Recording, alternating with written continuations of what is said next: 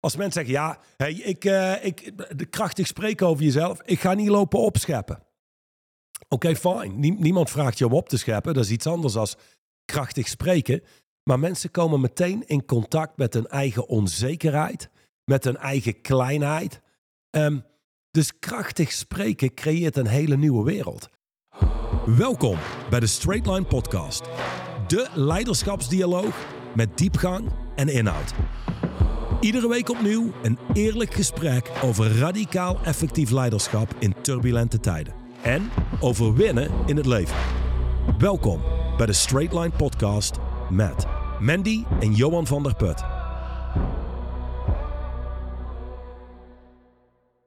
Hey meneer van der Put.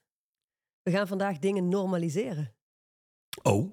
Ja, het is tijd voor hoofdstuk 6 van het boek Inner Stance. En uh, de titel van dat hoofdstuk um, is genaamd Normalize Winning. Nu, voordat ik de rest ga doen, dacht ik, laten we even stilstaan bij de titel. Normalize Winning, wat, uh, wat bedoelen we daarmee? Het normaliseren van wennen. Ja, oké. Okay. En normaliseren betekent, je hebt een, uh, mensen hebben standaarden. Dus voor sommige mensen is het normaal om vijf keer per week te trainen. Voor sommige mensen is het normaal om al tien jaar lang niet aan sport te doen. Voor sommige mensen is het normaal dat ze 80 uur per week werken. Die hebben dat genormaliseerd. Sommige mensen zeggen, ik ga nooit meer dan 20 uur per week werken. Ik, uh, ik, ik, ik leef niet om te werken, ik werk om te leven. En die hebben 20 uur per week werken genormaliseerd. Zo hebben we allerlei dingen genormaliseerd voor onszelf. Wat voor ons normaal is, wat voor anderen normaal kan zijn, maar totaal abstract kan zijn. Zoals mensen uit de jaren 70 en 80 bijvoorbeeld zouden kunnen kijken naar dingen die we nu genormaliseerd hebben, die toen niet normaal waren. Ja. Zeg dat goed? Um, ja, absoluut. Je hebt een aantal dingen die vroeger genormaliseerd waren, die goed werkten. Bijvoorbeeld een bepaalde werkethiek. Tegenwoordig is het meer gebruikelijk om parttime te werken. Denk aan overheidscontrole en het ingrijpen van de overheid. Nu ten opzichte van de jaren 80. Ah ja, je had uh, laatst een heel mooi voorbeeld daarover uit jouw uh, hometown Reuzel. Ah, ja, nou dus, laat, laat ik zo zeggen. Flitskasten zijn geïntroduceerd om verkeersveiligheid te stimuleren. Mm -hmm. Onzin, dus gewoon een melkkoet. Het is gewoon een manier om uh, meer geld binnen te halen voor de regering. Vroeger, um, ja, wat zal het zijn? Jaren negentig werden die flitskasten geplaatst in Reuzel. Ik weet niet meer hoe de straat heet, uh, maar je hebt een hele lange dijk. Um, een dijk in Reuzel. Uh, zo heet de straat toch. Huppeldepup dijk. Daar stonden denk ik een zestal flitskasten. Die werden geplaatst.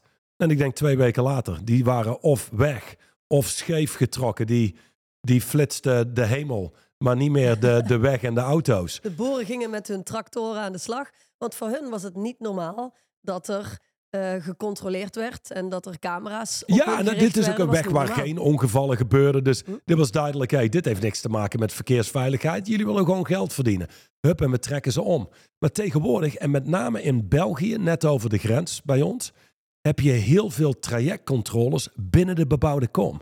Er zijn, we hadden laatst een, uh, een outdoor training, ik moest daar vijf keer naartoe. Dat betekent tien boetes voor me. Schitterend, er zit een vertraging op. Toen waren al die outdoor trainingen klaar. En toen ik, kwamen de boetes binnen. Ik ben er vijf keer op en neer gereden naar die locatie. Toen kwamen al die boetes binnen. En toen dacht ik, dit is echt asociaal. Dit is een weg waar niks gebeurt.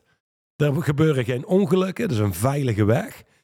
En, en daar plaatsen ze zo'n controle. Ja, dus je zou kunnen tegenwoordig hebben we uh, overheidscontrole genormaliseerd. Bemoeienis. Uh, camera's op iedere hoek van Kijk de straat naar de, de wet die ze nu... Er is een wet in Nederland waar ze mee bezig zijn om aan te nemen. Die wet zegt dat de overheid toestemming krijgt om al jouw appjes, al je foto's, alle data van jouw telefoon te kunnen lezen. Nu, jaren 80, jaren 90 kwamen mobiele telefoons net, maar laat zeggen dat mensen uit de jaren 80 vanuit die mindset dat nu horen. Die zouden denken, dit is een... een uh, die zouden niet aan de mobiele telefoon beginnen. Waarschijnlijk niet als dit soort vraagstellingen uh, vraagstellen komen. Maar het is ongelooflijk. Gewoon de overheid die uh, controle heeft over mensen. En dit, dat gaat van trajectcontroles tot overal camera's. Ja. Tot um, uh, iedere 10.000 euro die jij overmaakt, uitgeeft Zeg maar, dat, dat wordt zichtbaar gemaakt, wordt gecontroleerd. Ja, en, en we hebben ge- voor ons is dat normaal. We hebben genormaliseerd dat dat zo is, maar Ja. eens was dat niet normaal. het is eigenlijk niet normaal. Nee, ja, goed, in ieder geval tegenwoordig wel. Maar het, eens was het niet normaal. Ja. Het gaat natuurlijk om, de term normaliseren, niet zozeer om de overheid. Voordat je jezelf verliest, nee. Zwaar. Ehm, eh, wat, wat tegenwoordig ook, wat we ook genormaliseerd hebben, is dat we altijd in contact kunnen staan met iedereen. Eh, een voorbeeld daarvan is, eh, toen wij vroeger naar school gingen, wij fietsen naar school, hadden onze ouders geen idee. Ja, ze hadden een idee, ze dachten dat wij op school waren, tot het moment dat we weer thuis kwamen. Nu is, is, worden ouders al onrustig als ze geen appje krijgen van hun kind, eh, als het kind drie uur op school is, bij wijze van. Dus er is ook genormaliseerd dat je gedurende 24 uur per dag met mensen in contact kan staan. Ja. Er is genormaliseerd. Mensen vinden mij ehm, vaker als ze net met mij in contact komen ingewikkeld of irritant, een van de twee. Want als je mij een WhatsAppje stuurt, kun je 9 van de 10 keer geen reactie verwachten. Ik ga namelijk niet op alles reageren. Als mensen een vraag hebben of een verzoek hebben of iets wat logisch is om een reactie op te plaatsen, ja, dan geef ik daar een reactie op. Als het alleen maar een of andere mededeling is richting mij, ja, dan zijn de twee blauwe vinkjes mijn reactie. Je kunt zien dat ik het gelezen heb. Ik heb niet genormaliseerd dat ik 24 uur per dag tot beschikking van iedereen moet staan, omdat ik toevallig een telefoon heb. Maar voor veel mensen is dat wel genormaliseerd. Absoluut. Weet je wat ook genormaliseerd was in de jaren 80 en 90 op scholen? Sociaal contact. Ja. Met elkaar spreken, in contact staan met elkaar. Door de supermarkt lopen en, en contact maken met mensen, je buren kennen, dat was allemaal heel normaal. Ja, en nu tegenwoordig is meer genormaliseerd dat mensen zich verliezen in telefoons, Ja. de digitale wereld en amper nog een connectie hebben met mensen. Ja, in restaurants zien het ook. De schermpjes, schermpjes in ons leven is natuurlijk überhaupt genormaliseerd. En het gaat hier niet, het gaat hier om de term genormaliseerd. Het gaat niet over goed of fout. Ehm, maar in de jaren tachtig, als gezinnen met elkaar uit eten gingen, dan hadden gezinnen contact met elkaar en dat was een speciaal iets. Nu überhaupt is uit eten gaan eigenlijk al genormaliseerd. Ik weet niet hoe het bij jou was. Ehm, voor veel mensen. Hè. Maar, maar- maar bij ons was het vroeger zo. Als wij een keer uit eten gingen met ons gezin, dan was dat een speciaal moment. Dat Ja. deed je omdat er iets was om te vieren. Ehm, maar he- heel veel mensen, net als wij, is uit eten gaan genormaliseerd. Eh, schermpjes overal in ons leven, ook aan tafel terwijl je uit eten bent met je familie, is genormaliseerd. We kunnen daar allemaal iets van vinden. Daar gaat hier eventjes niet om. Maar het gaat om dat mensen beginnen te begrijpen wat die term normalize betekent. Hè? Want dat is Nou, het want het, belangrijkste is dit. Ehm, het is niet zozeer dat we heel erg stilstaan bij wat we genormaliseerd hebben. Nee, precies. Het is min of meer als water voor een vis.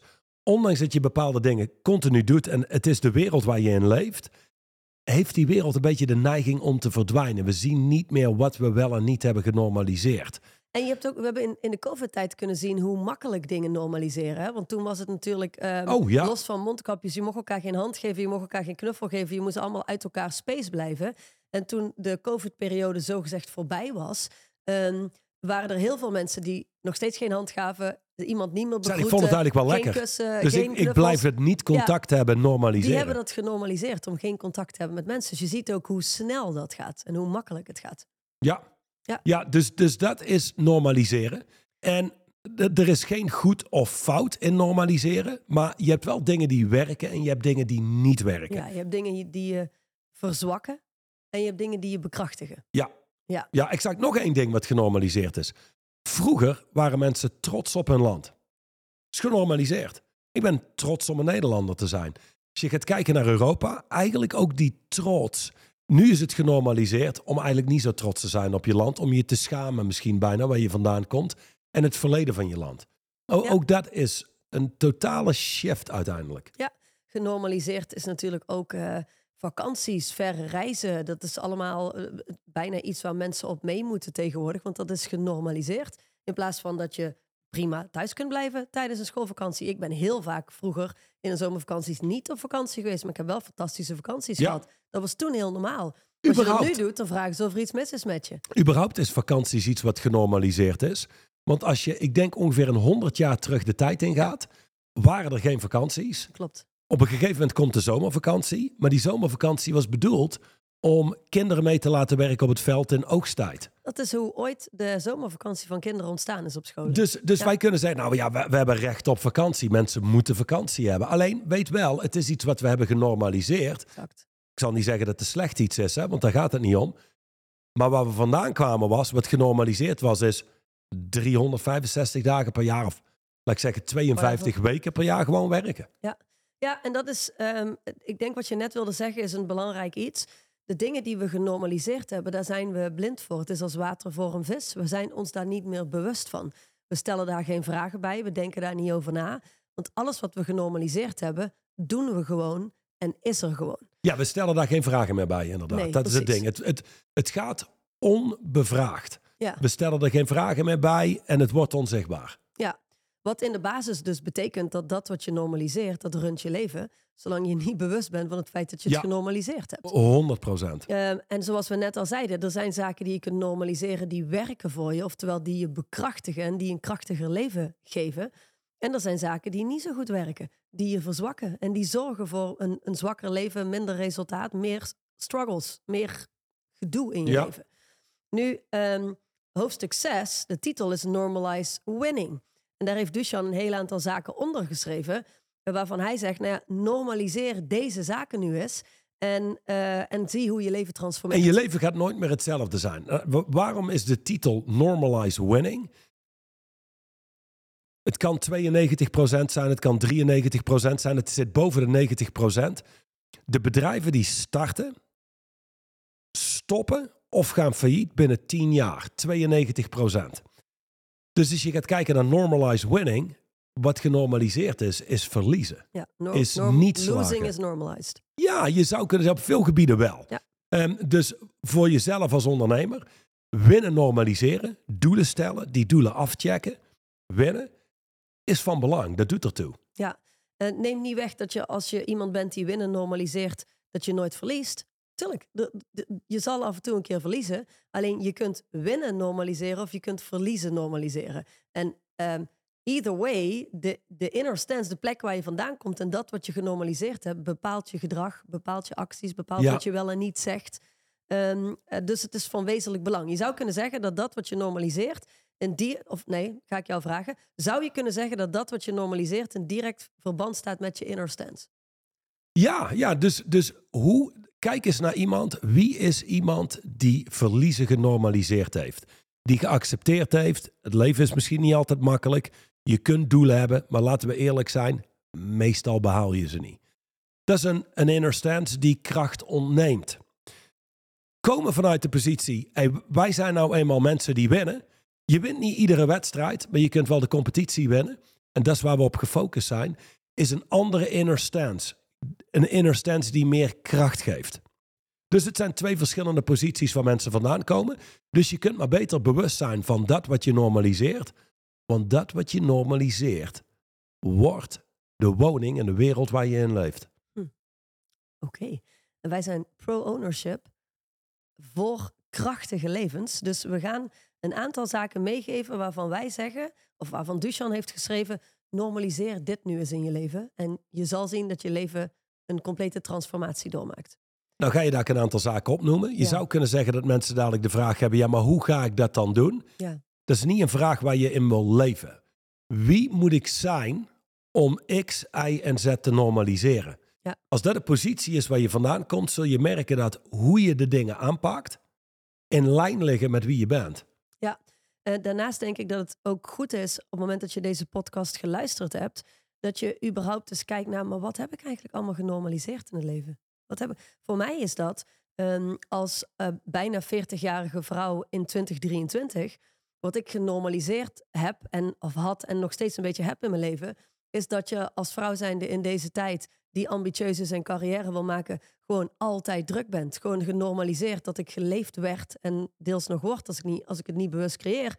Door mijn agenda. Ik sta s ochtends vroeg op, ik ga s'avonds laat naar bed. En daartussenin zit, heb ik compleet genormaliseerd, geen enkel moment om rustig met mijn moeder een kopje thee te drinken of zoiets dergelijks. Want vroeger, als ik terugdenk aan eh, toen ik jong was en mijn moeder, was dat wel genormaliseerd. Was dat heel normaal. Dat vrouwen ehm, werkten, maar, maar, maar dat parttime deden en daarnaast voor de kinderen zorgden en daarnaast momenten van rust hadden. Dit is tijd hadden om het huis te versieren. En wat, wat ehm, vrouwen van mijn generatie en mijn ehm, attitude genormaliseerd hebben is... We hebben nergens tijd voor. Alle privé shit moet eigenlijk uit Ja. handen genomen worden. Regelen andere mensen voor ons. Ehm, wij Genormaliseerd is druk. carrière is één. Ja, dus er zijn een hele hoop dingen die we genormaliseerd hebben. En eh, ik, vind, ik vind het een mooie uitnodiging voor iedereen die luistert om ook eens te kijken naar Wat heb je eigenlijk allemaal genormaliseerd in je leven? En, en wat heb je genormaliseerd omdat het nou eenmaal genormaliseerd is door de maatschappij? En is dat echt hoe jij het leven wil leven? Ja, als je gaat kijken, wat, wat veel, als je kijkt naar ondernemers. Wat veel ondernemers hebben genormaliseerd is, met teams heb je nou eenmaal, heb je nou eenmaal problemen. Is nou eenmaal lastig. Ehm, wat we genormaliseerd hebben, is het niet nakomen van afspraken vaak. Het, het niet Ja. nakomen van commitments. Ja, het, Het niet behalen van doelen. Ja, het niet afchecken van deadlines, het niet eh, behalen van targets, is in heel veel bedrijven allemaal genormaliseerd. Sterker nog, ze stellen doelen en ze, ze anticiperen al op het feit dat het doel niet behaald gaat worden. Dat is gewoon het, no- het, het is genormaliseerd dat we onze doelen niet behalen. Ja, Ja, het Nou. is genormaliseerd dat we niet open en eerlijk met elkaar communiceren. politieke correctheid is genormaliseerd. Ja, ja. Ehm, niet straightforward kunnen zijn en zeggen waar het op staat. Is ehm, genormaliseerd. Ja, ja juist niet meer Oh, sorry, genormaliseerd. is niet genormaliseerd. Ja, precies. Ja. Het heeft wel grote consequenties voor bedrijfsresultaten. De, gewoon de ervaring die je als ondernemer hebt en het werken met teams, het werken met mensen. Ja, en ik denk dat het goed is om, om eh, voordat je überhaupt gaat zeggen: hey, dit zijn de zaken die ik allemaal ga normaliseren. Om eens te kijken naar wat heb ik eigenlijk allemaal genormaliseerd, wat niet per se werkt. En wat niet eens per se van mij is. Wat, wat door de overheid of door de maatschappij of door de ontwikkeling waar we, waar we collectief in zitten, gewoon iets is wat ik aangenomen heb, Ja. waar ik in meegegaan ben, en wat daardoor genormaliseerd is. Weet je niet wat- iets weet je wat, wat- ik gekozen heb. eh, een enorme voorsprong geeft voor ons bedrijf en voor veel cliënten waar we mee werken. Hoeveel bedrijven hebben wel niet genormaliseerd dat het moeilijk is om aan personeel te komen? Ja. Het is gewoon genormaliseerd dat het eigenlijk vrijwel onmogelijk is. Wij hebben cliënten die hebben genormaliseerd om mensen te creëren. Niet te vinden, te creëren. En die hebben personeel. Die hebben natuurlijk een enorme voorsprong op de rest die genormaliseerd heeft dat het nou eenmaal zo is dat je die mensen niet hebt. Ja. We hadden gisteren een, ehm, een chefkok op sollicitatie met 1200 overuren. En ja, dat, eh, het restaurant waar die werkt heeft genormaliseerd dat je nou eenmaal onderbezet bent. Ja. Dat betekent ook, ik zal niet zeggen dat, eh, dat je vandaag de dag niet moeilijker aan personeel kan komen dan in 1960. Ik heb geen idee of dat zo is, maar zou Nee, ik kan me voorstellen dat dat zo is en Ja. binnen, binnen bepaalde gebieden. Alleen na verloop van tijd ga je niet eens meer op zoek, op pad. Of, of ga je niet eens meer nadenken over wat kunnen we doen om te zorgen dat we wel mensen hebben. Wat hebben we nog niet gedaan? Ja. En heeft te maken ook met dat normaliseren. Het sluit een hoop mogelijkheden af. Ja, dat, inderdaad. Hè, dat wat je genormaliseerd hebt, waar je niet bewust van bent, runt je leven. Ja, en het Zo creëert een ook- bepaalde standaard ook waarin je leeft. Ja, exact. Ik denk ook als je kijkt naar gezondheid. Heel veel mensen hebben eh, genormaliseerd dat je je nou eenmaal af en toe niet goed voelt. Ik had laatst een gesprek met een dame en ik, en ik vroeg haar, ik had haar een tijdje niet gezien. Ik zei, hoe, hoe gaat het eigenlijk fysiek met je? Ja, ja, goed, goed, goed. Vertel. eh, Ja, nee, het gaat echt heel goed. Ik, eh, ik sport zes dagen per week. Ik eet gezond. Ik, ik, ik, ik zorg voor mezelf. En, en dat, dat, was, dat is soort van wat zij genormaliseerd heeft. Als ik die checkboxes afcheck, dan gaat het goed met mijn lichaam. Dus stelde ik haar de vraag, ehm, maar hoe voel je je 's ochtends als je, als je wakker wordt en je wekker gaat? Goh. Dan ben ik echt super moe. Heel eerlijk, ik heb echt geen energie. En vervolgens vroeg ik een beetje door en ik vroeg een beetje door en ik vroeg een beetje door. En toen kwam ik er zelfs achter dat ze een compleet onregelmatige, ehm, hoe zeg je dat, menstruatiecyclus heeft. Om de week is ze ongesteld, dan heeft ze weer bloedingen, dan weer niet. En dan als je iemand vraagt hoe gaat het met je gezondheid, ja, dan heeft, heeft ze, ze heeft eigenlijk genormaliseerd dat ze zich zo voelt. Ik heb ooit een gesprek gehad met, eh, met onze personal trainer. Dat ik zei, maar ik had destijds wat last van mijn nek en van mijn schouders. En dat ik zei, maar Bart, hoe kan het? Hoe kan het nou zijn dat al die mensen die ik in de wereld zie lopen, die die er zoveel slechter bij lopen dan ik, dat die gewoon functioneren en Mm. nergens last van lijken te hebben? Waarop Bart zei, ja Mandy, niet in deze woorden, maar in de kern zei hij, ja, die hebben genormaliseerd dat ze zich zo voelen. Dus op het moment dat je je nooit fit voelt, op een gegeven moment normaliseer je dat je je nooit fit voelt. En dan is dat gewoon de staat waarin je leeft. Ehm, rugpijn, op een gegeven moment normaliseer je dat je dat hebt. En is dat gewoon de staat waarin je leeft. Dus het, het zit overal. Dat is natuurlijk de reden waarom we nu zoveel eh, voorbeelden geven. Ehm, is er nog iets wat je daaraan toe wil voegen? Nee, nee, laat ik zo zeggen. Ik denk dat we, eh, als je het afbreekt, hebben we nu een aantal zaken genormaliseerd eh, eh, in de huidige maatschappij. Die beter werken dan bijvoorbeeld in de jaren tachtig. Maar we hebben ook een hoop genormaliseerd wat minder goed werkt en wat minder kracht geeft. Ehm, Waar, waar we vooral ook kracht mee uit handen geven, als je mij vraagt. We hebben genormaliseerd dat de medische wereld moet zorgen dat wij gezond zijn. In plaats van dat we norm- genormaliseerd hebben dat we zelf in charge zijn over onze gezondheid.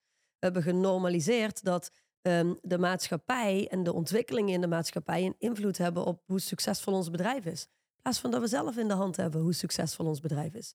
Dus er zijn wel een heel aantal zaken die we genormaliseerd hebben, eh, die we ook soort van buiten onszelf gelegd hebben. Terwijl we kunnen beter normaliseren dat we het terug in onszelf leggen, dan zijn we weer in control. Ja, Zullen we een aantal van het rijtje doen? absoluut. Heb je een voorkeur of mag ik gewoon eh, roepen wat ik wil? Hit me. Oké. De eerste is normalize being powerful. Ik denk dat bij, bij alles wat hier staat in de rij, wat genormaliseerd is, kun je een eh, polar opposite creëren. Ja. Dus what most people did is they normalized being weak. Even, um, s- soms doen we deze podcast en dingen kunnen heel hard klinken. Ja, maar dat is vaak met, met eerlijkheid. Dat is, dat is waar, ja, absoluut. Eh, sommige mensen worden liever een soort van de mond gesnoerd met een mooie leugen. In plaats van hun ogen geopend middels een harde waarheid. Ehm, we hebben een cliënt, West-Vlaming, West-Vlaming, zit al jaren in ons lidmaatschap. Ik werk één op één met hem. Die zei me ooit, jij deed de uitspraak, Johan, tijdens mijn allereerste live dag. hey, de mogelijkheid die je hier hebt, is jezelf opnieuw uit te vinden. Om vanuit meer kracht de wereld tegemoet te treden. Weet één ding, het grootste deel van de wereld is zwak. Hij zei, ik vond het nogal een uitspraak. Vervolgens observeer ik de wereld om me heen, mensen om me heen, de maatschappij. Dan kom ik tot de conclusie, de meeste mensen hebben niet genormaliseerd krachtig door het leven te gaan. De meeste mensen hebben genormaliseerd zwakker door het leven te gaan. Al zie het als slachtoffer, het effect van. Precies, de meeste mensen hebben genormaliseerd dat ze het effect zijn van hun leven in plaats van de oorzaak van hun leven. Ja, dus wie de meeste mensen zijn, is wat er intern gaande is bij ze. In plaats van dat mensen besloten hebben wie ze zijn, hoe ze door de wereld heen gaan en zaken met kracht tegemoet treden. Eh, het voordeel van mensen met kracht is zijn in staat hun eigen uitdagingen op te lossen. Hm. Mensen met kracht zijn in staat om te gaan met wat het leven op ze afschiet. Ehm, hoe zwakker mensen zijn, hoe meer je het volgende krijgt. Linksom of rechtsom. Voor iedereen die luistert, mijn hoop is, en hoop is niet echt een strategie waarmee je iets veroorzaakt, maar meer kan ik niet doen. Mijn hoop is dat je gespaard blijft van het grootste leed waar je tegenaan kunt lopen. Tegelijkertijd, zolang als je zult leven, kom je in aanraking met dingen die je misschien liever niet ervaart. Ja. Wat als we niet krachtig zijn of als we zwak zijn, dan is het, oh, nu maak ik dit mee, er sterft iemand in mijn omgeving of ehm, mijn partner gaat bij me weg. En wat we doen is onszelf terugtrekken. Eh, ik noem maar iets, we melden ons ziek, we gaan niet naar ons werk. Maar ik heb echt even tijd nodig voor mezelf. Nou, snap ik dat en het klinkt heel logisch. Ook dat is genormaliseerd, want in de jaren 60 en 70 gebeurde dat niet. Nee, eh, nee, nee, nee want, want dan was het, eh, oké, maar als je niet komt, dan is er iemand anders die je werk overneemt. Precies. Bye bye. Ja. Tegelijkertijd, als je ondernemer bent of als je observeert hoe het leven werkt, het leven gaat gewoon door. Of jij nou wel of niet participeert, het leven gaat door. Dus aangezien het leven op niemand wacht, je hebt niet echt, je hebt de mogelijkheid in deze maatschappij om je terug te trekken en een aantal weken niks te doen. Wil niet zeggen dat het kracht geeft, dat het gezond is voor je. Dat is wel wat we genormaliseerd hebben. Dus het lijkt alsof dat het beste is wat je kan doen voor jezelf. Maar als je werkelijk kijkt naar hoe het leven werkt, is life is fired at you point blank. You either deal with it or you just lay Don't. there. Ja. Dus krachtige mensen dealen met dingen en pakken door. Waarbij minder krachtige mensen, zwakke mensen, die liggen daar maar. En kunnen geen invloed meer uitoefenen op zaken. Ja. Nou, dat is een, een simpel voorbeeld. En dan als ondernemer. De afgelopen jaren heb je kunnen zien, wow, de markt is vele malen volatieler dan dat het ooit is geweest. In het verleden was het, je maakt een tienjarenplan en dan was het, de toekomst is eh, behoorlijk helder. Nu vandaag de dag hebben we een oorlog in Oekraïne. We hebben een oorlog tussen Israël en Palestina. Eh, er is onrust in het Midden-Oosten. Ehm, we, we komen net uit een COVID-periode met een overheid die weer allerlei mooie campagnes begint over vaccineren en, en noem maar op. De toekomst is onveiliger dan ooit, onduidelijker dan ooit. Nu, dat is- daar heb je allemaal mee te maken. Ja. Hoe krachtiger iemand is, hoe flexibeler je om kunt gaan met wat er ook op je afkomt. Dus het is ook nog nooit zo belangrijk geweest om krachtig te zijn. Ja, absoluut. Zeker in een, in een tijd waarin zwakte juist genormaliseerd is. Ja, Want dat is het. ja, De hele wereld wordt ingericht, of de hele westerse wereld en de maatschappij wordt ingericht om een soort van ehm, mensen zwakker te maken en voor de zwakken te zorgen. Ik weet, Dus, ja, ik weet nog dat wij een, eh, een dame hadden eh, in dienst en die meldde zich ziek. Want een vriendje was bij haar weg. En, en dat kwam bij mij en dat ik dacht, dat is nou nog nooit in me opgekomen. Ik bedoel, ik heb vroeger vriendinnetjes gehad en dan ging je uit elkaar. En hey, oké, weet je, het was misschien niet leuk, maar Mm. weet je, je, dealt ermee en je pakt Ja, door. Dat is een mooi voorbeeld van eh, normalized being weak.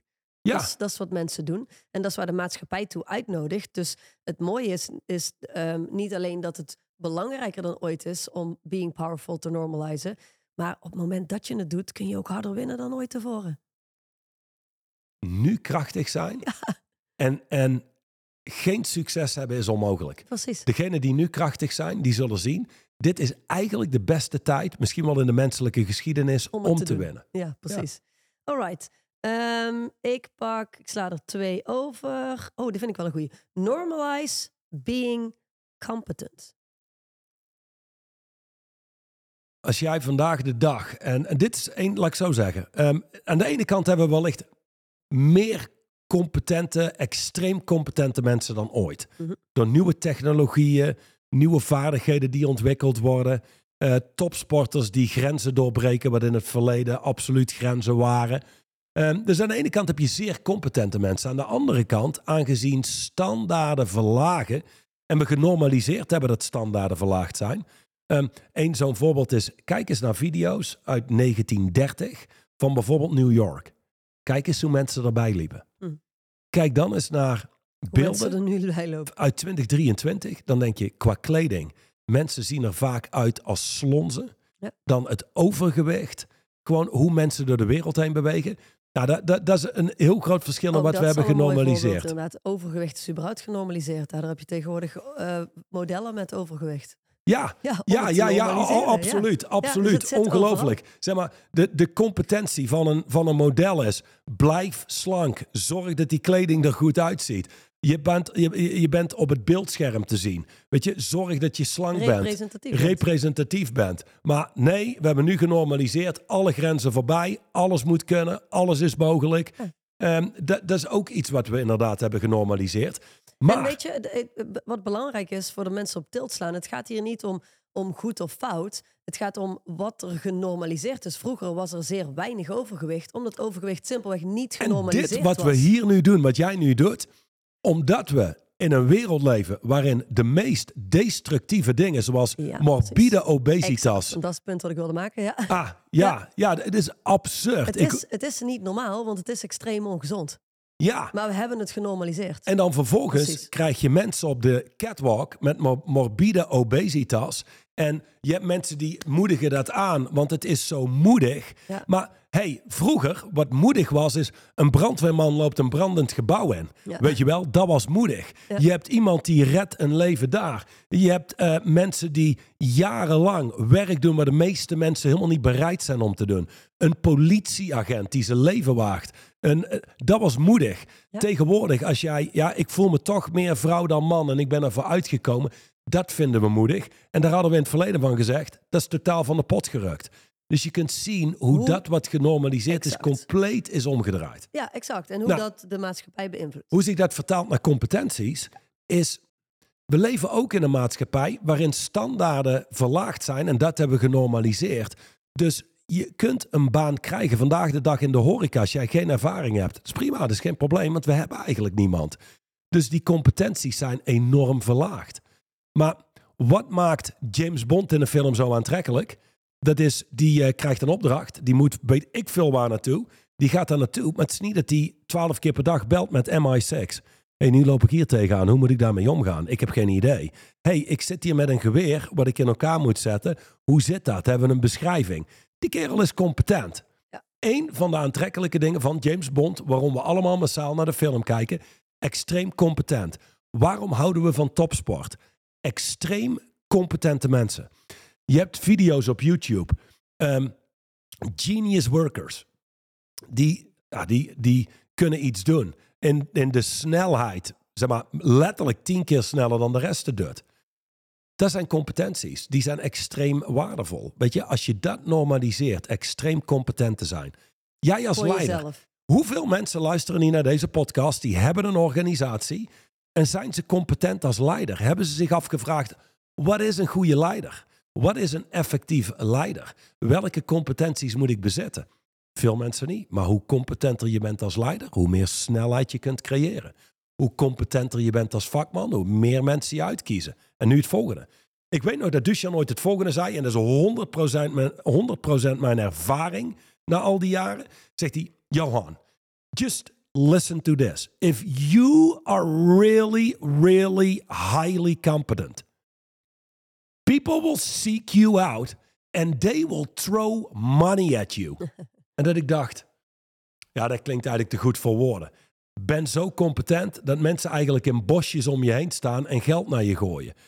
Maar met alle respect, dat is wel wat er gebeurd is in de afgelopen 10, 13 jaar. Ja. Dus extreme competenties zijn ook extreem waardevol. We leven alleen in een wereld waarin terminale middelmatigheid de boventoon voert. Dus Wat het alleen maar weer interessanter maakt als je extreem competent Ja. bent. ja, Want je bent unieker dan ooit. Alright. Ehm, ik ben wel benieuwd naar normalize. Dit vind ik wel een goeie. Normalize powerful speaking. alright, ja.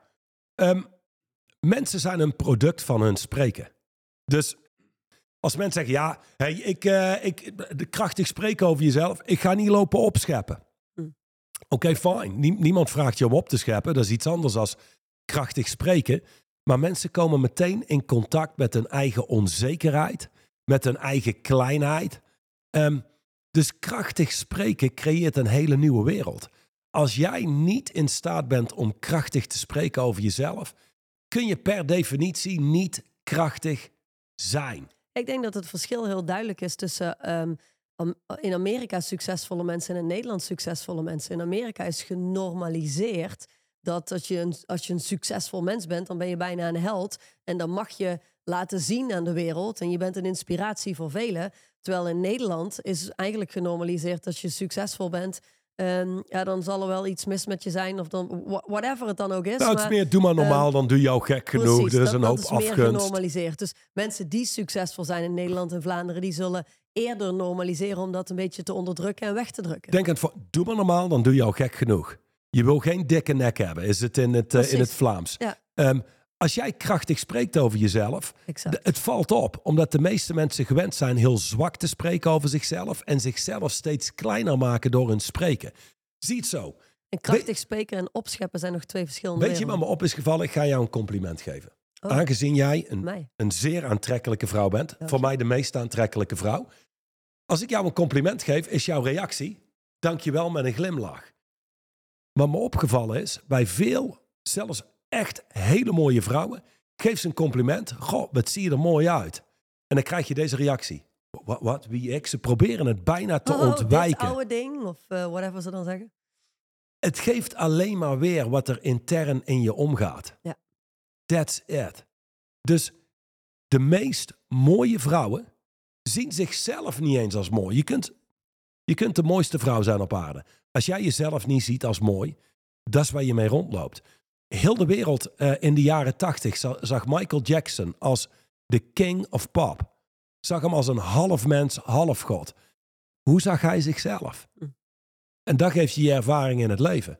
Nu, opscheppen ehm, is niet krachtig spreken over jezelf. Precies. Ehm, je- jezelf verklaren tot wij zijn de allerbeste in X, Y en Z, maar je levert middelmatig werk, doet ook niks voor je. Ehm, maar krachtig spreken en krachtig zijn is het beste wat je kan doen voor de wereld. Want als we gaan kijken, waar zijn we van afhankelijk? De kracht van de mensen om ons heen. Hoe krachtiger de mensen om ons heen zijn, hoe meer je kunt bouwen op ze. Hoe zwakker de mensen om je heen zijn, hoe meer afhankelijk mensen zijn. Dus powerful speaking is in de kern het beste wat je kan doen voor de wereld. Dat betekent niet delusional speaking. Maar om krachtig te spreken over jezelf, zul je jezelf überhaupt moeten kunnen zien als krachtig. En als mensen nu luisteren en die starten dat te doen, merk op, toen ik begon met coaching. Mijn eerste verklaring was, ik ben de beste coach in Europa. Ik wilde eigenlijk zeggen, ik ben de beste coach ter wereld. Maar dan had ik zoveel interne conversaties. Ja, onzin. En je, je weet niet eens wie er allemaal coachen in de wereld. Je kent ze niet eens. Dus laat ik zo zeggen, ik bracht dat al terug naar... ik ben de beste coach van Europa. Nou was ik me heel bewust van het feit... ik ben net begonnen met Duchan. Dus ik heb een hele hoop competenties om op te bouwen. Maar die competenties bouw ik wel veel sneller op... als ik kom vanuit de beste coach van Europa. Dus die inner stance en krachtig kunnen spreken over jezelf, genereert überhaupt de mogelijkheid om op een bepaald level te komen. Dan, Mohammed Ali, die, die zei, well, I'm the greatest. And I already said it before I even was the greatest.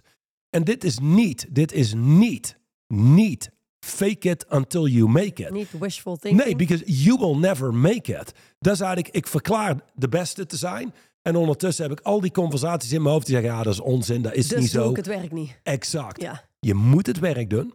Het werk gebeurt, laat ik even meer tractie, meer invloed als, je- als het gepaard gaat met een krachtige inner stance.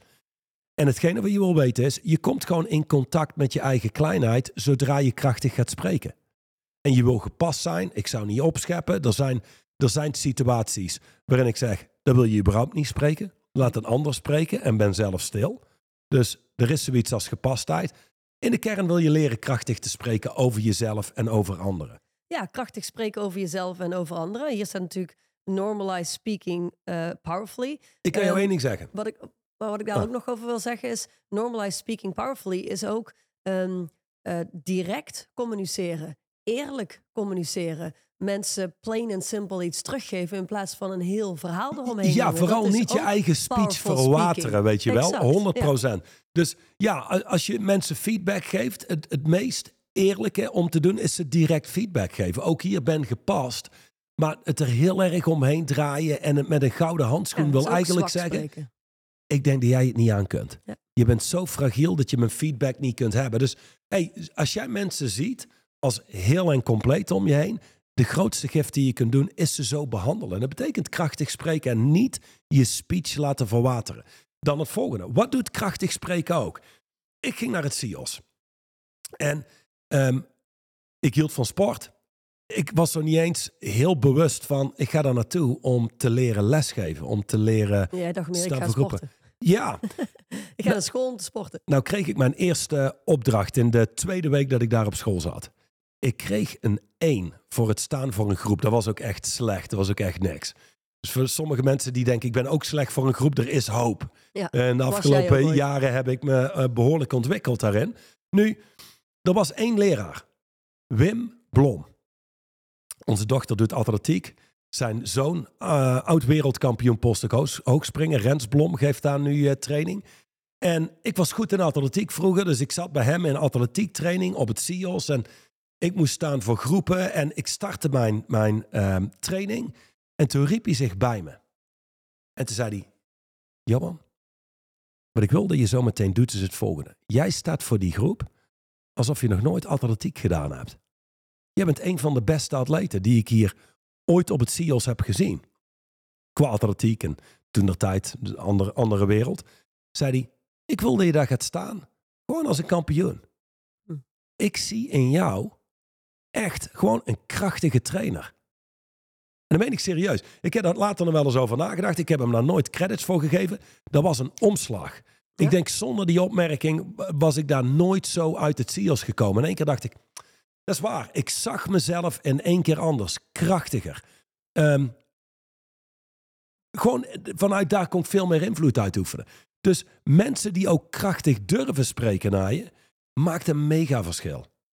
Zegt ook alles over waar hij persoonlijk vandaan kwam. Want er is nog een verhaal van een andere leerkracht van het CIO's... die jou eh, het tegenovergestelde gezegd heeft. Ja, ja, ik weet niet of ik namen moet noemen hier, maar het zou fantastisch zijn. Ik ga het Niet- doen. Nee, ik, ben, is niet per se nodig. maar ben- de mensen van het CIO's zullen weten wie ze is. ik ben groots en gracieus. La- la- Laat ik dat doen. Maar ehm, ik zit op het CIO's. Ik heb mijn eerste jaar gehad. Ik had een beetje door, oké, het gaat hier om lesgeven, staan voor groepen, ehm, met achtergrond over het menselijk lichaam. En ehm, toen had je net het keuzevak sportschoolhouder. en toen dacht ik, dat is wat ik ga doen. Daar zit een dame. ehm, zit nog steeds in de fitnessindustrie trouwens. En ehm, ik moest een, eh, je moest een stuk aerobics doen. Je moest een stuk lesgeven. Dus jij moest een step touch naar rechts. Zoiets, inderdaad. En dus ik sta daar. En die dame die kijkt me aan. En die zegt, eh, met, eh, gewoon, laat ik zo zeggen. Je had tien minuten waarin je En- iets en- moest en doen. Dit, dit was de leerkracht, hè? De De- docent. De, docenten. De docenten. En die, eh, ze zal me niet eens meer kennen, want dit duurde twee minuten. Na twee minuten zet zij de cassettedek uit. Dus ook een cassettedek. Klik. Kijkt ze me aan zegt ze: Oké, jij moet nooit iets gaan doen in de fitnessbranche. Dit is niet voor jou. Daar is de deur. Dankjewel. En ik stond daar en ik dacht: What the fuck? Dit is gewoon, oké, nou, eh, die carrière is in ieder geval hier binnen twee minuten afgerond. En dat is, hey, en, en, en tegelijkertijd zat gelijk, weet je wel. Ik was echt niet goed voor die groep. Maar dat wil niet zeggen dat ik het niet onder de knie had kunnen krijgen. Ja. Later bewees ik dan ook, toen ik door binnen- en buitenland reisde, als presenter. Binnen de fitnessindustrie. Ja, dat ik dacht, ah oké, well, proved you fucking wrong. Maar hey, hel, eh, voor haar leven maakt het geen verschil, voor mijn leven wel. Ja, dus precies. ja, maar thank God for Wim. In plaats van dat we alleen die dame hadden gehad dan. 100 procent. Ja, Ja, oké. Ehm, laatste, laatste, laatste. Ik zal deze pakken. Normalize disrupting UDF's. Undesired default futures.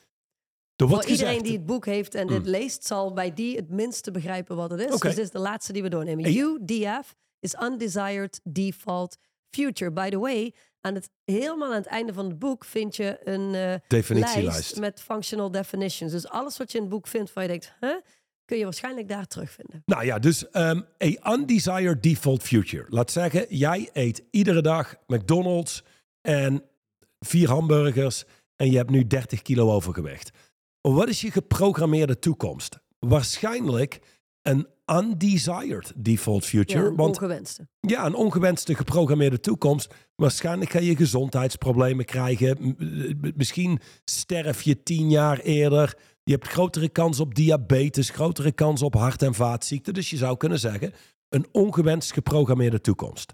Nou, als ik kijk naar ons huwelijk bijvoorbeeld, zou ik zeggen, hey, eh, als ik kijk naar de afgelopen jaren, hoe we omgaan met elkaar, hoe we ehm, om kunnen gaan met fouten die anderen maken, hoe we daaruit leren. Met Zou uitdagingen. ik, ja. zou ik zeggen, hey, eh, ik denk dat onze geprogrammeerde toekomst is een heel krachtig, tof huwelijk. Ja. Ehm, maar laat ik zo zeggen, als het was, hey, jij stond gisteren nog klaar met je koffer en ik ben klaar met deze bullshit en als jij niet verandert, dan ben ik weg. Ja, dan, dan zou het zijn, De geprogrammeerde toekomst is iets minder gewenst. ja, dat is waarschijnlijk een ongewenst geprogrammeerde Ja. toekomst. Of ik zou van je af moeten willen, maar ervan uitgaande dat dat niet is, dan is het, dat is ongewenst. Ieder bedrijf heeft een geprogrammeerde toekomst. Iedere familie heeft een geprogrammeerde toekomst. Ehm, iedere afdeling binnen een bedrijf heeft een geprogrammeerde toekomst. Ehm, wat je wil normaliseren, is het steeds opnieuw doorbreken van ongewenste toekomsten. Hoe je dat doet, is door allereerst eerlijk te kijken naar het volgende. Als hier nou niks verandert en wij gaan zo door, dus we halen hopen, willen en wensen weg. Want dat is de slechtste strategie in business op aarde. Dat, dat wil zeggen, En in het leven. we, ja, we blijven gewoon hetzelfde doen, maar we hopen op een andere uitkomst. Dus dan gooien we aan de Dat kant. volgens Einstein de definition of insanity. Ja, we kijken heel eerlijk naar wat is onze geprogrammeerde toekomst? Wat hebben we nu te doorbreken om dat te omzeilen? Ja, belangrijk is dat ieder mens is in de basis een toekomstvoorspeller. Hè? En niemand heeft een glazen bol nodig. Nee, nee, dat laat ik zo zeggen. Er kunnen altijd onverwachte dingen gebeuren. Ehm, zie het als what the fuck momenten. Dat Ja. je kijkt en denkt, what the fuck, wie had dit verwacht? Setbacks. Ja, Mhm. maar we kunnen het redelijk voorspellen.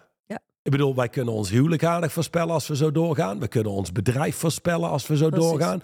Ik kan mijn eigen gezondheid aardig voorspellen als we zo doorgaan. Nu, het kan zijn dat ik eh oversteek en aangereden word door een auto omdat ik niet oplet. Ik kan een of andere ziekte Er krijgen. kan altijd iets gebeuren, maar voor een heel groot deel heb je het zelf in de hand. Maar je wil eigenlijk kijken naar mogelijk en waarschijnlijk. Ja. Zeg maar, het is mogelijk dat er van alles gebeurt. Het is ook mogelijk dat ik 140 word. Maar waarschijnlijk, gewoon gekeken naar feiten, kom ik uit op X, Y en Z. Dat is waar je nou wil kijken. En als je die toekomsten confronteert en er zitten toekomsten tussen waarvan je zegt: dat is ongewenst. Dan wil je gaan kijken en dan kun je terugrekenen, wat is wel een gewenste toekomst? Wat moet daarvoor gebeuren?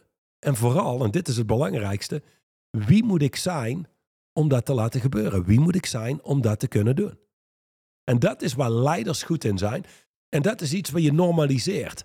Want voordat je het weet, leef je in bepaalde toekomsten die je niet wenst. Exact. Zonder dat je erbij stilgestaan hebt. excuses. En ze doorbroken hebt. En dat is wat hier gezegd wordt. Normalize disrupting undesired default futures. Oftewel normaliseren, doorbreken van ongewenste geprogrammeerde toekomsten. En wat is daarvoor nodig?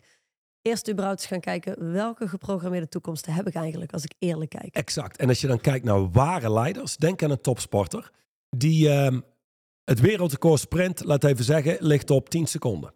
Dan vervolgens komt er een atleet en die loopt hem in 9,87. Oké. Maar eigenlijk van iedereen is, hey, 9,87 lopen nu ineens, een ongewenst geprogrammeerde toekomst. Waarom? Omdat we altijd gefocust zijn op het volgende level en de volgende stap. Dus je zou kunnen zeggen, voor een ondernemer die zeer succesvol is, is eigenlijk iedere normale geprogrammeerde toekomst ongewenst. Die kijkt altijd naar hoe krijgen we dit naar een volgend level en een volgend level. En de meeste mensen normaliseren door de bewegingen heen gaan. Um, akkoord gaan met de toekomst waar ze in leven. Maar een ware leider wordt betaald om een toekomst te creëren die normaal gesproken niet gebeurd zou zijn. Ja. Dat is wat een ware leider doet. Ja, wat, een, een, wat een, een hele belangrijke eigenschap is van een ware zakelijk leider, is iemand die kan anticiperen. En daarvoor zul je in staat moeten zijn om de geprogrammeerde toekomsten überhaupt te zien, jezelf ermee te confronteren, ja. je af te vragen of ze gewenst of ongewenst zijn. En als ze ongewenst zijn, zijn er dus correcties nodig. Zo dat is wel een goeie, want een leider zal dus een geprogrammeerde toekomst moeten kunnen zien van een land, van een industrie. Um, van zijn eigen bedrijf. Ja, om, om te kunnen anticiperen en vooruit te zijn op uh, zaken die op je afkomen. Precies. All right. Als laatste um, in deze bulletin is niet meer normalized, maar daar staat smallness kills life, selfishness kills life. Kleinheid is dodelijk alleen maar gefocust zijn op jezelf is dodelijk. En als je kijkt naar de maatschappij, ik vind het moeilijk om uit te reiken naar mensen. Of ik heb veel angst om dit te doen, of veel angst om dat te doen. of ik, vind het... ik, ik, ik. Nou, en dat is het. Dus als je je focus van jezelf afhaalt, maar je focust op iets buiten jezelf, je missie, een bepaald resultaat, dan zul je merken dat angst en zaken die intern in de weg zitten, überhaupt minder van invloed zijn hoe, hoe egoïstischer je bent, hoe meer je bezig bent met jezelf, hoe meer angst in de weg zitten, bepaalde interne verhalen, emoties, stemmingen. En dat heeft altijd de, allemaal de neiging minder belangrijk te worden als je missie belangrijk is. En dat wat buiten jezelf gebeurt belangrijker is. Dat ja, wat je te doen staat. Dat is wat je bedoelt met, of wat Duchamp bedoelde met kills life. Ja. Right. Well, let's not kill life, but create life. Right? Ja normaliseer being powerful, being effective, staying hungry, being competent. En zo staat er nog een hele rij in het boek. Die heb je gewoon niet gepakt. Normalize staying hungry. Nog één ding en dan ja. ronden weg af voor iedereen die luistert. Er zijn er nog een hoop. Oké, dan mag de, jij hem af. De meest succesvolle ondernemers die ik heb leren kennen... waren hongerig toen ze twintig waren. Hongerig toen ze dertig waren. Toen hadden ze een hoop succes. De honger nam af rond hun veertigste. En waren vet en content. en lazy. Toen ze 50 waren. En dan kun je zien, dan kun je al het geld van de wereld hebben, maar je hebt geen vervuld leven. Blijf hongerig. Blijf komen opdagen. Blijf creëren. En dan zien we je volgende week weer. Tot dan. Tot dan. De Straight Line podcast is opgebouwd uit verschillende reeksen. En uiteraard zijn we de eerste reeks gestart met het verdiepen van het boek Straight Line Leadership.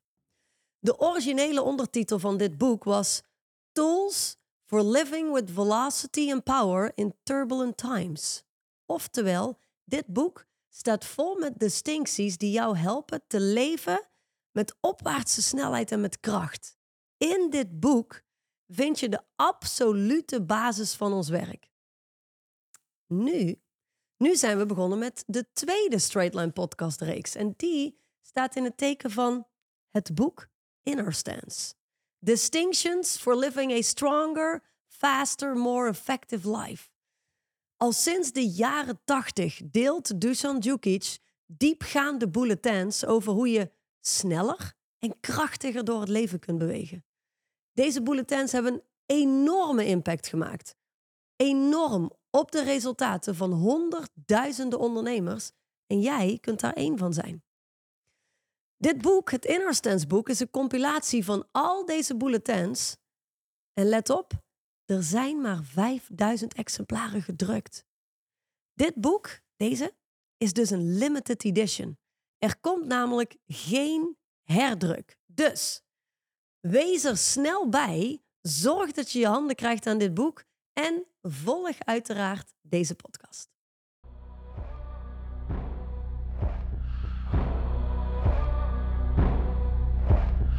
De overige podcast beluisteren of deze nog eens terugluisteren. Ga naar het YouTube of Spotify account van Straight Line Leadership.